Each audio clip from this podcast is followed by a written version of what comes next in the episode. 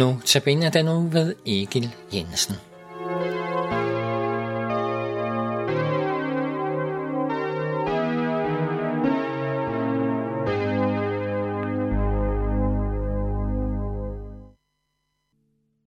Vi slutter vores havevandring i Guds herlighed på den nye jord.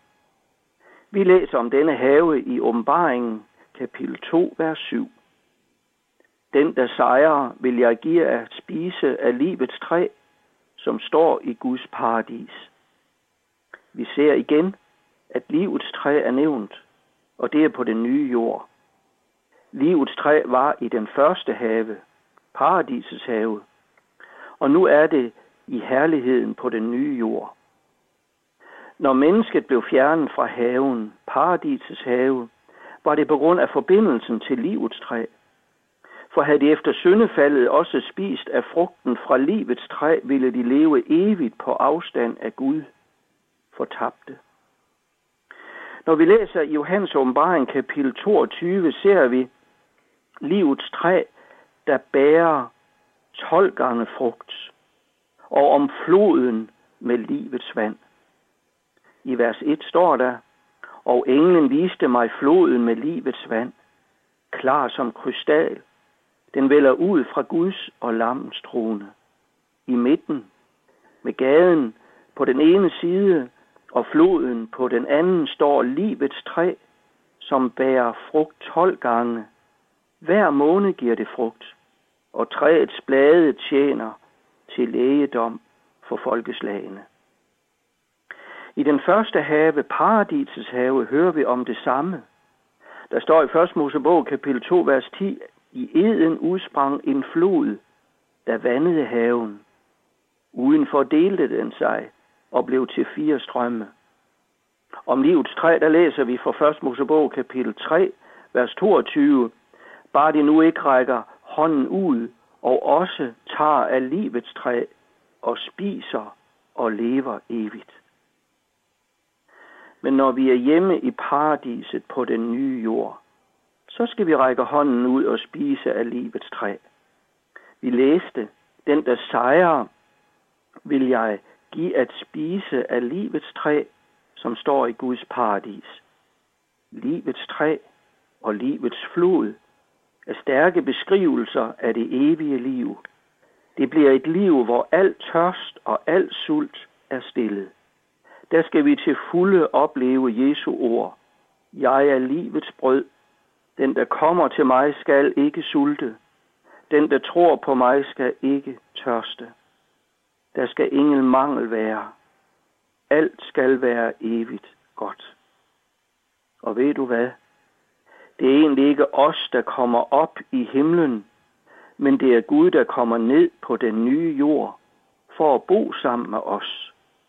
Prøv at høre, hvad der står i Johannes åbenbaring 21, vers 3. Nu er Guds bolig hos menneskene. Han vil bo hos dem, og de skal være hans folk, og Gud vil selv være hos dem. Og så vil han tørre hver tårer af vores øjne. Alt det, som har pint og plaget os og skabt tårer, det bliver fjernet. Der skal hverken være sorg, skrig eller smerte mere. Alt det, som kom ind i den første have ved syndefaldet, det er nu væk.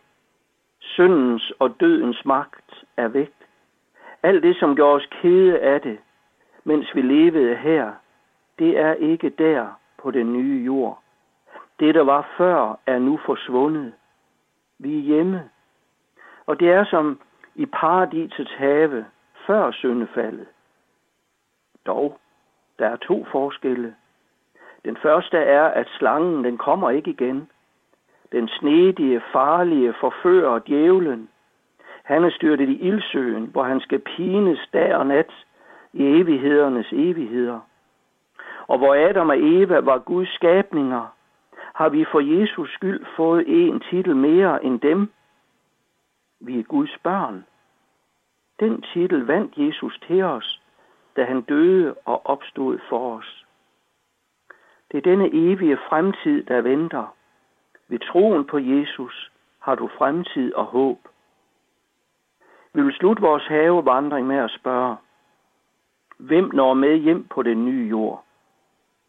Vi læser det i Johannes åbenbaring kapitel 21, vers 6, hvor der står, at den, der tørster, vil jeg give af kilden med livets vand for intet. Det er den, der tørster her på jorden, der kommer til at drikke af floden med livets vand på den nye jord.